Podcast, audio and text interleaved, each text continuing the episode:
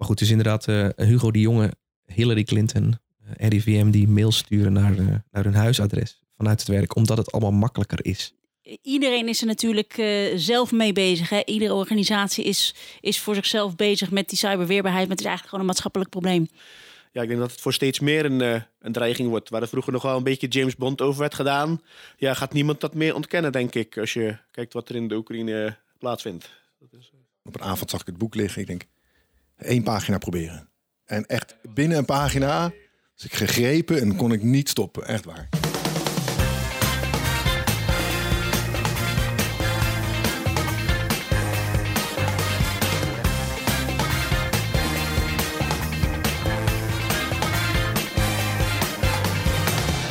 Welkom bij alweer de zevende aflevering van de Security Talks podcast. En leuk dat je weer luistert naar de Nederlandse security podcast, waarin we iedere twee weken cybersecurity experts aan tafel hebben om in te gaan op wat hen bezighoudt, actueel cybernieuws, tips en tricks en natuurlijk gewoon een beetje fun.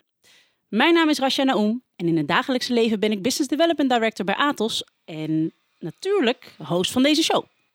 Vandaag bij mij aan tafel mijn vaste tafelgast Alan van Leeuwen, teamlead van het Security Operations Center van Atos Digital Security in IJsselstein. Hey Asja. Hallo, leuk dat je er weer bent. Ja, we gaan er weer een leuke uitzending van maken. Ik heb voor mijn gevoel is het echt lang geleden dat wij de laatste opname hebben gehad. Maar uh, gewoon weer twee weken geleden. Twee weken, ja. ja. Heb je drukke tijd gehad ertussen, denk ik? Ja, misschien is dat het. Ja. En, en, en, we hebben vandaag hele leuke gasten aan tafel. Ik ben eigenlijk een beetje trots dat, uh, dat we de volgende twee uh, zo, gasten aan jullie gaan introduceren. Namelijk, en inderdaad twee in plaats van één. aangeschoven bij ons Tom de Haan en Sebastian Kalshoven van de Volksbank. Goedemiddag. Heren, welkom, welkom. Leuk om hier te zijn. Ik, uh, ik ga ook gelijk vragen of, uh, of we kunnen beginnen met een introductie van jullie. Aan wie, uh, aan wie de eer? Tom. Gang, jongen. Super. Inderdaad, hartstikke leuk dat we hier vandaag kunnen zijn. Mooie feestdag. 5 mei wordt dit opgenomen. Het is helemaal in een feeststemming. Laten we er wat leuks van maken van uh, vanmiddag. Um, nou, mijn naam Tom de Haan. Ik ben verantwoordelijk voor het Cyber Defense Center. Wordt ook wel Security Operations Center genoemd in de, in de, in de IT-security wereld uiteraard. Van de Volksbank. Hartstikke mooie bank, denk ik, om te werken. We hebben een uh, mooie, mooie missie en visie en doelstelling met elkaar. Hebben we het misschien dadelijk nog over. Maar in ieder geval leuk om hier te zijn en over onze werk te, ja, te praten, wat ook uh, mijn hobby is. Dus dankjewel. Super, ontzettend leuk hier te hebben. En eigenlijk, uh, ik zou bijna zeggen, de evenknie van uh, Alan hier aan tafel. Ja, allebei op een Security Operations Center. Super. Cyber Defense Center, sorry. Nee. Top, dankjewel Tom. Sebastiaan, welkom. Dankjewel, leuk dat ik, uh, dat ik hier mag aanschuiven. Uh, mijn introductie, ik ben uiteindelijk uh, de Hublead platform binnen de Volksbank. Daarmee verantwoordelijk voor eigenlijk alle diensten die de Volksbank laten drijven qua IT. En daarbinnen ook natuurlijk alles in een hele secure manier, hoop ik dan. En daar werk ik heel erg samen met Tom. Tom zorgt dat de inhoudelijke kant goed ingevuld wordt.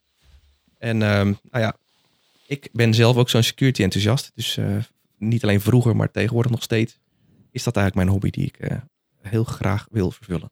Twee leuke gasten. Zeker weten. Enorm. Leuk dat jullie er zijn. We hebben weer leuke onderwerpen, ga ik vanuit. Altijd, toch? Ja, ik heb er twee onderzoekjes van Mandiant Security uh, tevoorschijn getoverd. Uh, die waren kort naar elkaar gepubliceerd. twee heel interessante aanvallen met nieuwe technieken, die ik even kort ga doornemen. Oh, leuk. Nou, ik ben benieuwd. Um, nou, Tom, Sebastiaan, uh, jullie, uh, jullie hebben al een podcast uh, geluisterd. En natuurlijk eigenlijk allemaal, hè? Zeker, zeker. Dus ik, um, jullie weten hoe, we, hoe het eraan toe gaat hier.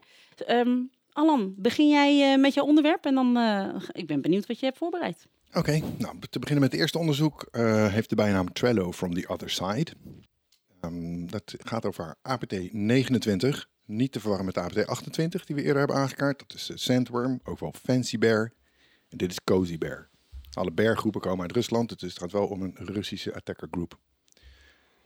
Um, volgens CrowdStrike behoren APT 28 en 29 tot de meest geavanceerde state-sponsored attackers ter wereld. Dit zijn echt uh, de gevaarlijke boys. Onder andere betrokken bij de DNC-hack 2016, aanvallen gericht op de Amerikaanse verkiezingen in 2016 nou, en dat zien we ook dit keer. Um, in januari en februari 2022 zijn er campagnes gericht op diplomatieke organisaties in Europa, Midden-Oosten en Azië. Daarbij hebben ze twee nieuwe malwarefamilies gespot. Eh, die heette Beatdrop en Boom Mike. Hoe gaat de aanval in zijn werk? Nou, er worden phishing e-mails gestuurd. En dat begint allereerst met een eh, gecompromitteerd e-mailaccount van een ambassade. Dus dan lijkt het al van een bekende te komen. Onderwerpen die erop staan, die zijn dan eh, van administratieve aard. Dus bijvoorbeeld de Franse ambassade is gesloten. Eh, de C2-infra, dus de control-infrastructuur, en dat is zo bijzonder, die loopt via allemaal clouddiensten. Dus in plaats van dat een, eh, een C2-server ergens eh, een VPS wordt gebruikt of een ander datacenter, loopt het via Trello, Dropbox en Google Firebase. En met name via Trello geloof ik, vandaar Trello from the other side. Hmm. Ehm, in die e-mail sturen ze HTML-bestandjes. En die HTML-bestanden bevatten een dropper. Eh, ze zijn bekend als Rootsaw of Envy Scout. Je Alan, best wat informatie over vinden. woord onderbreking. Wat is een dropper voor, eh, voor degene die het niet weet? Het is het eerste stadium eh, wat, wat bij jou naar binnen komt. En die is erop ontworpen om een stage 2 te gaan downloaden. De echte malware. Ehm, er wordt gebruik gemaakt van een vrij nieuwe techniek. Dat is de HTML smuggling techniek. Er bestaat uit ja, een stukje trucage met HTML5 en JavaScript. Dus je hebt een HTML-bestand.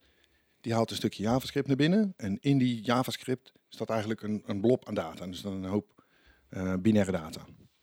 Maar omdat het niet als een, als een los bestand wordt binnengehaald, gaat het door allemaal beveiligingslagen heen.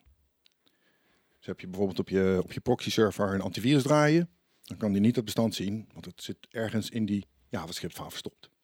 En waar zou, waarmee zou je dat dan wel kunnen zien? Ehm, nou ja, je, een IDS kan er bijvoorbeeld op ingericht worden, maar ja, dan een kleine aanpassing aan het bestandje, dan is het weer anders. Dus, Alan, als ik eh, gewoon een vraag tussendoor, hè, want deze state sponsored hè, actors, die, die zijn er natuurlijk al lang. Maar deze aanvalstechniek, hij komt nu naar buiten, hè, daar wordt nu over gesproken. Denk je dat die er al een stuk langer is? Of is die vrij snel gedetecteerd, deze modus operandi? Ehm, nou, hier staat sinds januari, februari. Mhm. Echter, ehm, eh, nee, dat was bij, die andere, bij dat andere onderzoek. Die zaten echt al heel lang in de netwerken. Die zaten, waren 18 maanden ongedetecteerd gebleven. Ja. Deze jongens hebben ze vrij snel eh, weten te vinden. Goed, ehm, het, het faaltje, eh, de JavaScript-faal die extract, dat stukje binaire data, wordt op je disk weggeschreven als, het- als het echte bestand. Dit is dat dan een, een ISO-file. En een van de eh, bijzondere dingen daaraan vind ik aan die techniek is dat doordat die file op die manier op je disk wordt weggeschreven, heeft het niet een zogenaamde mark of the web. Normaal gesproken als je een bestand van internet downloadt en je probeert het uit te voeren, geeft Windows een waarschuwing en zegt, dit is van het internet gedownload. Weet je wel heel zeker dat je dit wilt uitvoeren. Ja. Maar dit lijkt niet van internet gedownload, want het is lokaal op je computer gemaakt. Dus het gaat A, langs allemaal antiviruslagen. B, krijgt de gebruiker geen extra waarschuwing. Ja, voor je het weet eh, loopt er communicatie naar Trello. En waarom loopt er communicatie naar Trello? Dat is de C2-infrastructuur. Er loopt heel vernuftige communicatie naar de API's van Trello. Ehm, de, machine meldt zichzelf daar aan, scant het, het Trello-board om te kijken of die al eh, zichzelf eerder heeft aangemeld. Kijkt welke andere noden zich allemaal hebben aangemeld. En kan er dus opdrachten ophalen. Nou. Super, eh, super geavanceerd vind ik dat. Eh, heb ik nog niet eerder gezien op die manier. Ja, ik in het verleden wel eens gezien dat er wat clouddiensten zoals Twitter of zo werden gebruikt voor C2. Maar ik vond dit toch wel heel apart. Hoe is dit uiteindelijk boven water gekomen? Ja, dus het onderzoek van Mandiant. Mandiant wordt ingeroepen als eh, instant responder. Mhm. Dus ergens is uiteindelijk eh, men erachter gekomen, op wat manier dan ook, dat ze binnen waren. En dan is Mandiant het uitgebreide onderzoek gaan doen. Ja, die hebben echt super experts. Mandiant is een zeer geavanceerde partij. Mandiant is tegenwoordig eh, eigendom van Cisco, volgens mij, als ik me goed herinner. Oh, dat wist ik niet. Kijk eens. Die eh, hebben laatst toch Tom. Ja, ze zijn eh voor mij overgenomen, ja, pas geleden. Dat klopt. Eh, ja, ik, ik twijfel even aan de partij, maar de- inderdaad, eh, ja, het is al jarenlang een gerenommeerde partij natuurlijk die, ja, die dit soort onderzoeken doet. Dat is zeker. En ja, ik denk ook de relevantie neemt alleen maar toe. De state sponsored attacks, kijk wat er in de wereld gebeurt. Je, je fancy bear wat je aanhaalt. Ja, ik denk dat het voor steeds meer een, eh, een dreiging wordt. Waar er vroeger nog wel een beetje James Bond over werd gedaan. Ja, gaat niemand dat meer ontkennen, denk ik. Als je kijkt wat er in de Oekraïne eh, plaatsvindt. Ik zag- Vroeger Zeker. zag ik heel veel aanvallen en dacht ik, ja, maar het is echt zo simpel. Ja, hoe kan het? En eh, gewoon een bestandje in je taskmanager met een heel duidelijke naam. En dan dacht ik, waarom, waarom doen die aanvallers zo opvallend? En tegenwoordig zie ik echt aanvallen waarbij ik denk, wauw. Ik hoop dat ik, hier, dat ik niet deze jongens tegenkom. Want dat wordt echt heel lastig gemaakt. Ik kan me wel voorstellen dat zo'n notes takedown ook lastig is als je Trello moet gaan mailen. Van doe even dat bord. Ja, of eh, als je bedrijf gebruik maakt van Trello. Ja, hoe dan? Trello gaan blokkeren. Ja, Zeker. Hoe identificeer je dat verkeer wat heen gaat? Ja. Wat, eh, wat is eh, jouw advies als, als nu gebruiker denkt, ja, shit, gebruik inderdaad Trello of, of überhaupt, Ehm. hoe, hoe, hoe, hoe ben je bewust? Ja, het begint aan de ene kant met, eh, natuurlijk met een stukje social engineering. Er worden phishing e-mails verstuurd.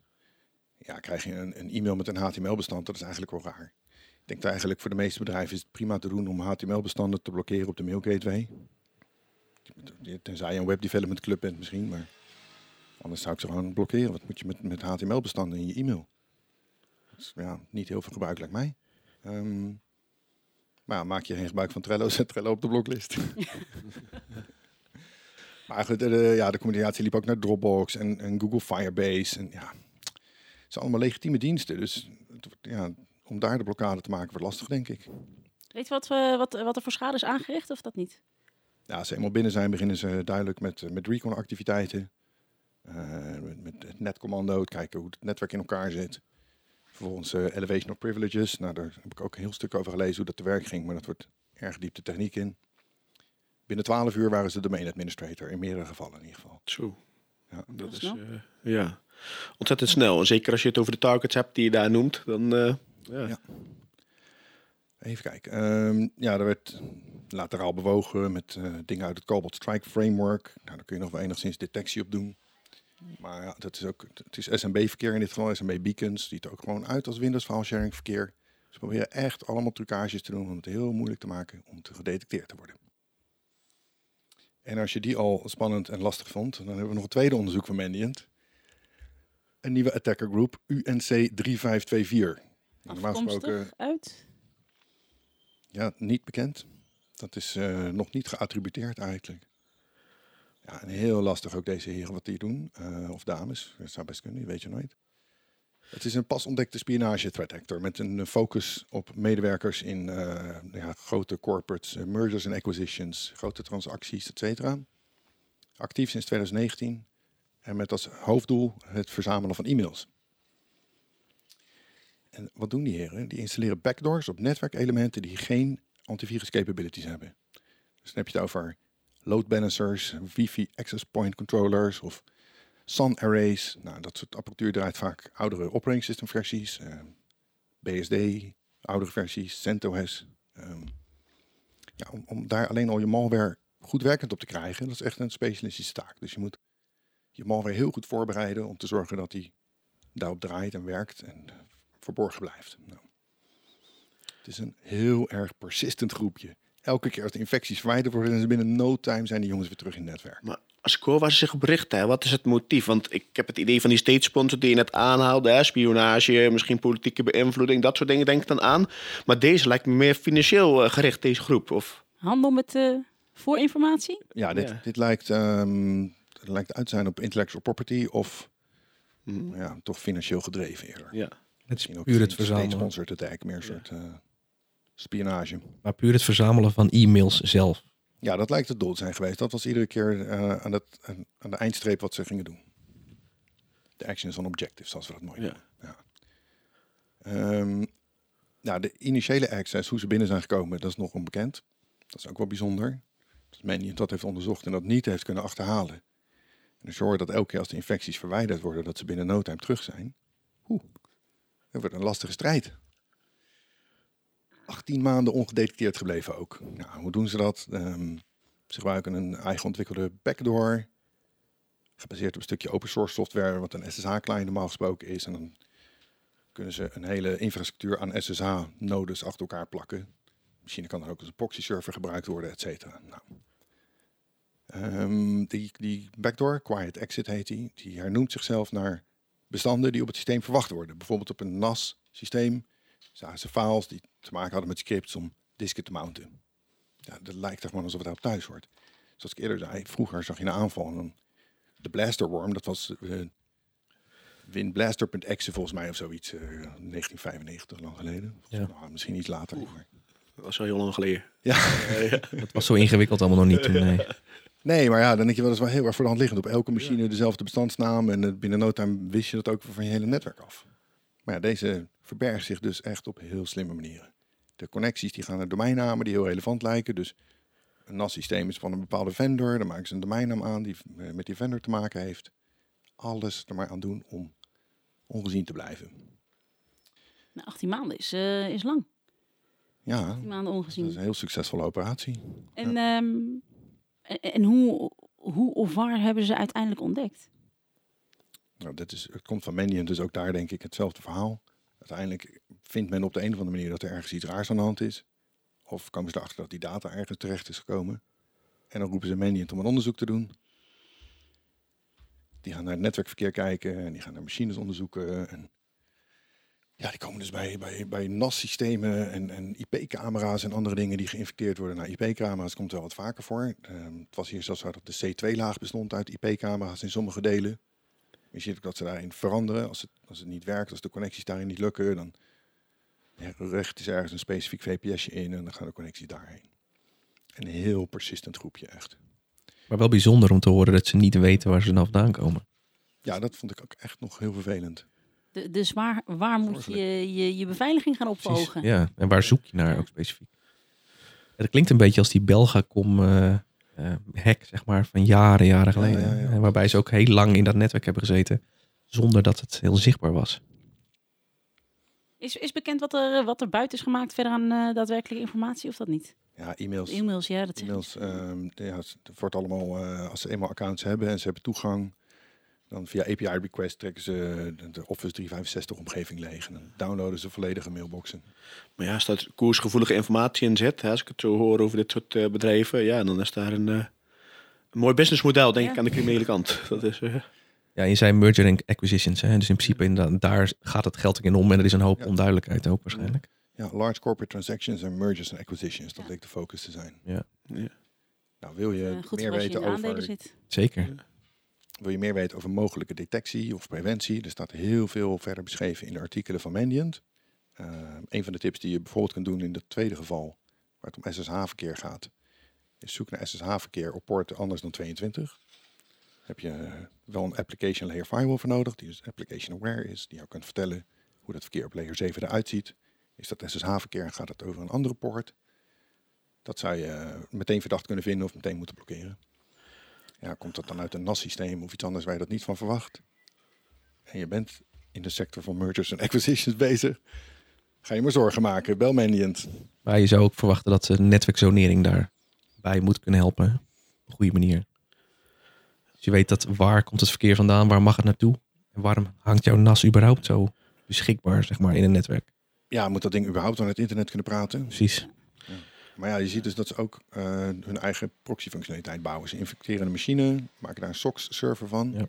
En ook weer, dat is ook weer een extra truc om ongedetecteerd te blijven. Want als je gebruik maakt van een SOX proxy-server, dan kun je vanaf je client al je applicaties draaien alsof je eigenlijk op het ethernetnetwerk van die, van die Ja. andere machine zit. Ja. Dat betekent dat je geen tools naar je destination hoeft te kopiëren. Dus je kunt al je hacking tools vanaf je eigen machine draaien. Laat je weer veel minder sporen achter. Ja, ik, deze, deze twee onderzoeken vond ik echt eh, heel interessant. Wou ik met jullie delen. Ja, leuk. Heel gaaf. Dankjewel, eh Alan. Ehm, twee zeker zeer interessante onderwerpen weer. En ehm, ja, ik, blijf, ik blijf toch eh, apart vinden dat we, dat we gewoon niet weten waar, eh, of, of dat er niet achterhaald kan worden waar de zwakte dan eh, exact zat. Het wordt Dat heel zelden zie je dat maar hoor. Dat zo'n onderzoek is en dat er staat initiële toegang onbekend.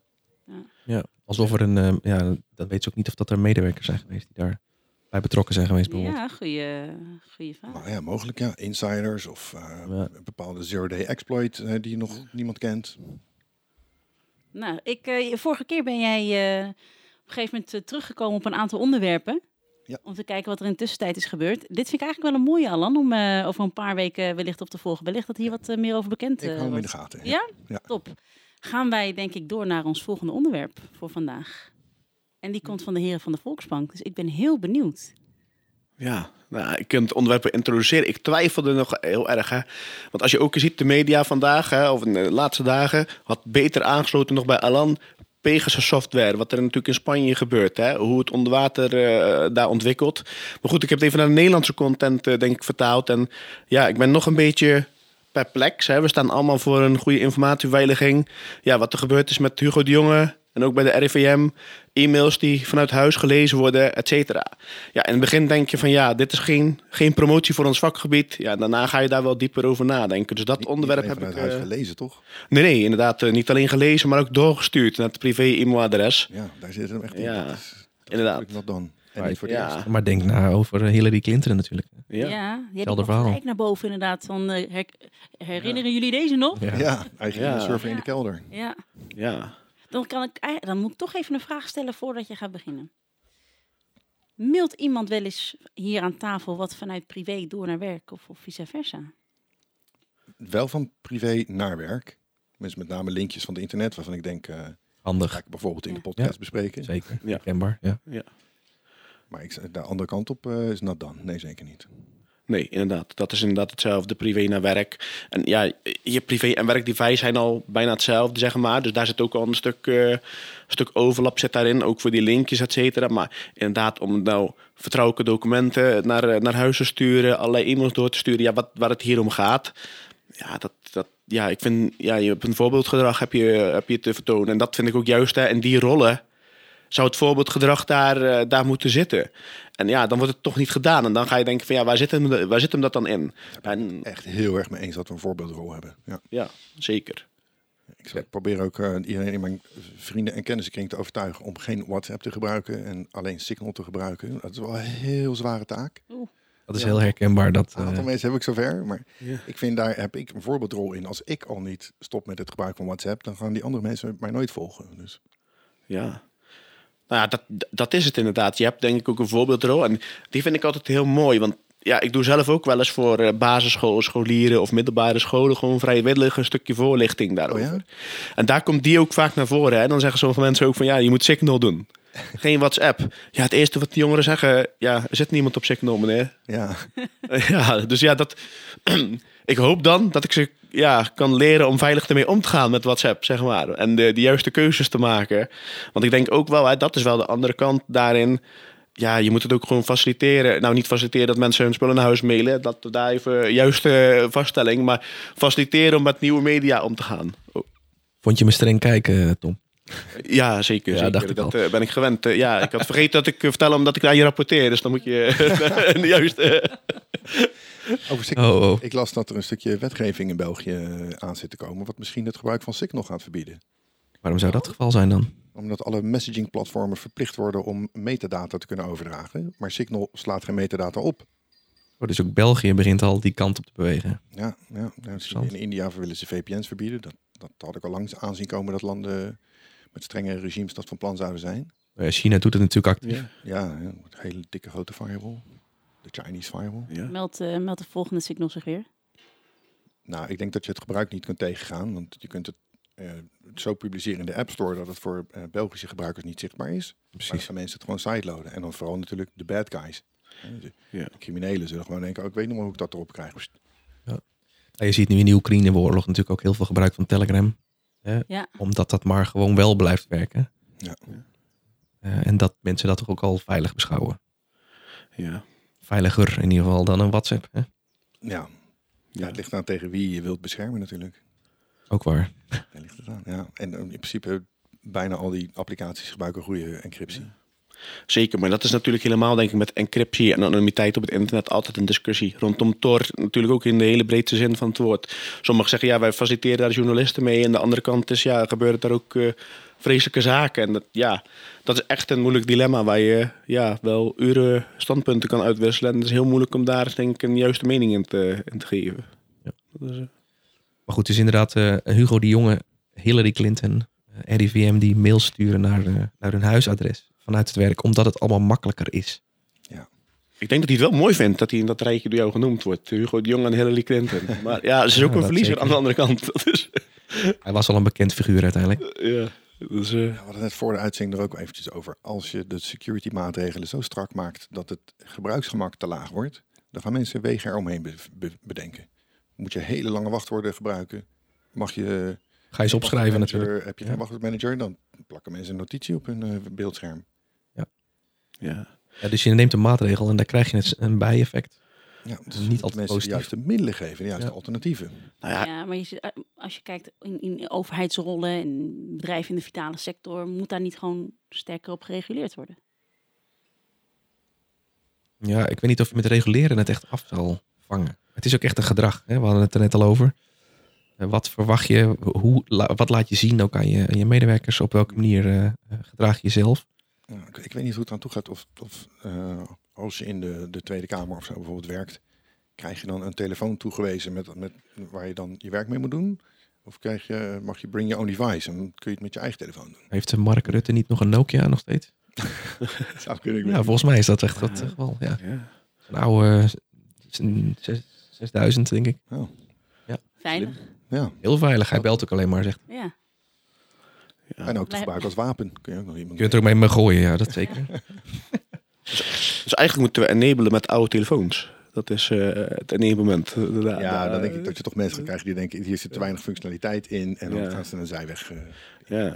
Nee, maar het is, het is wel een lastig, eh, lastig dilemma in dat het faciliteren gaat het om. Ik ben een keer bij een, ja, bij een organisatie gezien dat iemand echt eh, meer dan 80 wachtwoorden. Ja, en dan kan je naar de heel veel awareness sessies kan je daar gaan geven van ja, je moet je wachtwoord niet opschrijven. Ja, faciliteer dan met een betrouwbare wachtwoordmanager bijvoorbeeld. En daar zit het wel soms in dat soort kleine dingen om het ook te laten werken. Dat is, eh, ja. En DLP, ja, hebben we het eh, ook wel eens over gehad, kan ook daarin wel werken om iemand bewust te maken van, goh, hè, wat je nu verstuurt, denk er nog eens een keer over na. Dat is, Is het wel de bedoeling dat je deze 100 BSN-nummers naar een Gmail-adres stuurt? ja, precies. Dat is, eh, Nou ja, zelfs al überhaupt intern naar elkaar versturen is al een interessante. Want waarom zou je dat doen? We zien het natuurlijk ook nog wel eens hè, als mensen met incidenten bezig zijn. Dan gaat wel eens het stuk dat er dan in alle goed bedoelde eh, nou ja, gedragingen nog wel eens een keer wat informatie wordt uitgedeeld naar collega's. Van hé, hey, kun je daar naar kijken, et cetera. Maar daar moet je wel heel bewust van zijn. Ja. En dat proberen we dan ook heel goed eh, eh, te regelen. Dat ze niet alleen maar dat ze zich herinnerd worden, wat eh, Tom ook zegt. Maar dat ze ook gewoon geholpen worden om dat soort dingen netjes op te slaan en veilig weg te brengen. Is, eh, is in die zin inderdaad gewoon uiteindelijk de, de menselijke factor. Hè? Is een menselijk, de menselijke factor, de menselijke error. Blij- ja, ik, volgens mij heb ik het in eerdere afleveringen ook gezegd. eh, ja, focus daarop blijft gewoon belangrijk. Zeker. ja. Ja. Doen jullie er veel aan bij de Volksbank? Eh, awareness eh, voor het personeel? Ja, eh, heel veel. En daarom, we noemen het daar ook bewust niet de human error. Dat vinden we ook niet, hè, maar de first line of defense. Ja. Ah. Dat, zijn, eh, dat zijn onze mensen, dat is het personeel. Kijk, hoe we de, daarom kijken we er ook naar. hè. Je ziet ook sommige casussen. Ja, het begint vaak met een phishing mail, wat je hier natuurlijk ook net aangeeft. Nou, ik, ja, ik heb niet de illusie dat je dat eh, naar 0% kan brengen, dat mensen daar niet meer op klikken. Eh, wel, je kan het wel reduceren. En daarna heb je andere maatregelen om het nog extra te compenseren. Ik vind het lastig als hè, mensen in, eh, in sommige contexten human error worden genoemd. En wat blijkt dat er al drie jaar geen patches geïnstalleerd zijn hè, op de backend. Maar het was wel de human error die uiteindelijk klikte. Dat vind ik, ja. Dat is waar. Maar, Ja, da- ja, ja, maar daarom doen we natuurlijk ook bewust ook gewoon onze eigen phishing campagnes. ja. Dus om te kijken van bewustzijn is goed, maar als je ze erin laat, in zo'n zo'n valletje laat lopen, Ja. dan, is, het- dan leren ze het wel hoor. Dat is het wel. Het is ook een schrikeffect. dan kun je weer progressie tonen. Precies. Ja. Ja. Zeker, zeker. En jullie doen het volgens mij niet alleen intern, hè? Een stukje bewustwording. Dat klopt. Nou, daar heeft Tom, eh, eh, die, die vertelt nog wel eens een verhaal buiten her en der. Om ook gewoon mensen te helpen in de maatschappij eh, veiliger na te zijn. Op scholen zei je net, wat wat voor leeftijdsgroep is dat dan? Nou, de- op scholen inderdaad, dat, eh, dat begint vanaf een jaar of tien, zeg maar. Ehm, en de Volksbank heeft zelf ook een programma daarvoor. Dat is eh, ja, eurowijs, maar dat gaat ook om omgaan met geld. Maar daar komt ook een stukje fraude bij. Eh, kinderen leren dat je een pincode veilig moet houden. Maar daar begint het wel, hè, bij, eh, op, de, op die leeftijd. Ja, en voor de rest doen we ook veel aan trainingen online. Klanten kunnen ook trainingen bij ons volgen. Hè, je je moet eh, veilig zijn in de keten. Klanten moeten veilig met, eh, met de dienstverlening om kunnen gaan. Wij moeten hem veilig houden, et cetera. En zo versterk je elkaar. En ja, dat zien we ook als een maatschappelijke opdracht om mensen ja, daarover te informeren. En veilig social media gebruik Ja. hè, komt daar natuurlijk ook in terug. Ja. Wat haal je waar binnen, zodat je ook zeker weet dat je de veilige transactie kunt doen nog op je thuis eh, devices uiteindelijk. Ik vind dat van die scholen wel heel interessant. Ik wil dadelijk na de uitzending nog even met je over doorpraten. Want ik heb wat vrienden die kinderen hebben die nu beginnen te spelen met wat security dingetjes. Die beginnen eh, ook, ook paswoorden van vrienden te stelen en dat soort zaken. En dan denk ik, is het misschien tijd dat ik op die school een keertje langskom om, om een Ja. stukje awareness bij te brengen. Ja. Maar Of nieuwe aanwas voor, de, voor Motive.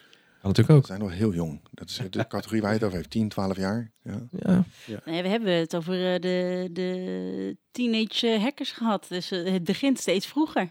Die, de hackende tienermiljonairs. Ja. Ja. Dus eh, wa- waarom niet? Ja. Nou, het, begint daar wel. En soms zie je ook wel dat, dat, dat jongeren hun ouders gaan meenemen. Ik heb in het verleden bij een andere organisatie met de kerst. eh, ja, iedereen was vrij. Hebben we ook kinderen van medewerkers uitgenodigd. En dan die kinderen mee eh, te laten zien van goh, hackingacties, dat soort zaken. Nou, vaak waren ze bedreven dan papa en mama. En het is toch weer een stuk promotie. Het onderwerp staat weer op de kaart. Dus ja, dat zijn wel ja, dingen waar ik eh, me ook ja, persoonlijk voor inzet. En dat vind ik ook mooi dat de Volksbank daar ruimte voor biedt. Ook om dat soort dingen te doen. Dus ik denk, hè, de corona is afgelopen, dat we ook wel zo'n evenement voor de, voor de Volksbank eh, gaan doen. Eh, Zeker, noemen we het fun en dan gaan we ook nog Ja. wat bijbrengen. Dat lijkt me heel goed. ja. Ja, lekker bezig. hier. Mooi initiatief. Ja. En uiteindelijk, het is, het- iedereen is er natuurlijk eh, zelf mee bezig. Hè? Iedere organisatie is, is voor zichzelf bezig met die cyberweerbaarheid. Maar het is eigenlijk gewoon een maatschappelijk probleem. Waarbij eh, het alleen maar mooi is als we naar buiten treden en eh, die, die weerbaarheid en awareness alleen maar eh, aanmoedigen. Lijkt mij. Zeker. En dat gezegd hebbende, is het tijd denk ik voor eh, de fun tips. Funtipje. Good vibes. Ik ga beginnen met de gasten. Oké, is prima. Tom, heb jij, ehm, heb jij een leuke fun tip voor ons? Nou, zeker als je de zomervakantie nog niet hebt geboekt. Hè, het is van, eh, vanaf 22 juli op mijn verjaardag. Dat kan ik dan nooit vergeten natuurlijk. Hè, want dan kan ik daar een lekker borreltje drinken. May Contain Hackers. Een hele grote conferentie in Nederland. Waar eh, ja, heel veel cybersecurity specialisten daar samenkomen. Over het werk praten. Een hapje eten met elkaar. Een drankje doen. Vier dagen op een, eh, op een camping. Ja, ik kan het kan iedereen aanraden om daar naartoe te komen. Erg leuk. Het is bij Zeewolde, toch? Wij zijn er ook, als eh, de Volksbank. Oh, wat Zeker. leuk. Ja. En eh, na, na vier dagen, wat eh, komt daar grote prijsuitreiking bij? Eh, Nou ja, na die vier dagen ben ik denk ik erg moe. En dan neem je nog een dagje vrij. en dan gaan we alle kennis die je daar hebt opgedaan toepassen. heel goed, heel goed. Mooie tip. Dankjewel. Sebastiaan, heb jij wat meegenomen? Ja, ik begon al voor de, voor de uitzending. Ehm, ik zit veelal in de boekenkant, hè, dus er zijn allerlei onderwerpen die heel interessant zijn. En jullie zullen hem ongetwijfeld kennen. Het is, eh, het is oorlog, maar niemand die het ziet. Uh, Huub Modderkolk. Dat was voor mij wel een inspiratie. En daar zie je dus ook de diverse onderwerpen wel netjes in terugkomen. Ik zag hem vandaag nog bij onze Media Master op tafel liggen. Kijk, heel goed. Ik vond het ook een super gaaf boek. Ik dacht, eh, ik had het gekregen op een security evenement. Ik, ik lees echt bijna geen boeken. Ik, ik luister alleen boeken. Dus ik dacht, nou, daar komt nooit wat van terecht. Op een avond zag ik het boek liggen. Ik denk, één pagina proberen. Echt En hij was uit. een pagina. Heerlijk. Dus ik gegrepen en kon ik niet stoppen. Echt Ja, waar. mooi. Nou, ik, ik ben heel boek. benieuwd. Nou, voor de luisteraars, dit komt natuurlijk allemaal terug in de show notes. Hè? Dus je hoeft niks te missen. Dankjewel. En Alan, dan sluiten we met jou af. Wat, eh, wat voor leuk. Cyber of niet cyber? Nee, helemaal Oh. niks met cyber te maken. Eh, mensen die mij een beetje kennen weten dat ik hou van retro gaming. En ik heb een heel leuk boek, eh, wat nog niet zo lang geleden is uitgebracht, van Ken Williams. Dat heet Not All Fairy Tales Have a Happy Ending. Oh. Dat gaat over de geschiedenis van Sierra Online. Een bedrijf wat bekend is van eh, adventures, zoals Leisure Suit Larry, Zeker. King's Quest, Space Quest. Nou, dat vertelt de hele geschiedenis eh, van het bedrijf. Ik, daar zaten dingen in waar ik echt nog nooit van gehoord had. Eh, ik ben erachter gekomen dat Sierra betrokken is geweest bij ja, een soort ontwikkeling van het internet voordat het internet bestond. Die hadden een soort dienst ontwikkeld waar mensen op konden inbellen. Het was te populair en het kostte hun heel veel geld. En daardoor hebben ze het stop moeten zetten. Maar heel interessant. Ik vond het eh, pakkend. Ik heb hem ook eh, ja, in een paar ritjes in de auto uitgeluisterd. En geweldige spellen natuurlijk in die tijd al. Ja, heerlijk. Ik eh, duik er af en toe nog eens in. Eh, ik heb ze nog niet allemaal uitgespeeld. En dan pak ik eh Space Quest deels over. En dan ga ik dat eens proberen. Heel leuk. Super. Allemaal terug te zien zometeen in de show notes. Dan zijn wij eh, alweer aan het einde gekomen van de zevende aflevering. Ja, ik moet toch even naar eh, de heren tegenover mij eh, kijken. Hoe vonden jullie het? Het is heel leuk om te doen dit. Ja, zeker. Hartstikke leuk. Leuk, mooie, mooie informatie, eh, Ellen. En, eh, nou, zeker. Dankjewel nog voor de uitnodiging. Nou, super bedankt dat jullie zijn gekomen. Ja, echt Ja, fantastisch dat jullie hier aan tafel zijn. Ik, ik heb in ieder geval genoten. eh, en vond het uiteraard geslaagd en gezellig. Ehm, dat- dat gezegd hebbende hopen we ook natuurlijk dat de luisteraars hebben genoten van eh, weer een nieuwe podcast. Vergeet je niet te abonneren op onze Spotify-list om natuurlijk niks te missen. En voor degene die de Security Talks talkshow hebben gemist. Ja, die was op 21 april, als ik het goed zeg. Die kun je terugzien via ons YouTube-kanaal Security Talks. En dan zie je de Security Talks aflevering terug met het NCSC bij ons aan tafel. eh, het Cyber Defense Center in Nederland en CISO Rijk ook present toen. Dus ik zeg, over twee weken zijn we er weer. Nieuwe collega's, nieuwe gasten, nieuw cybernieuws en nieuw cyberfun. Dank jullie wel voor het luisteren. Tot dan!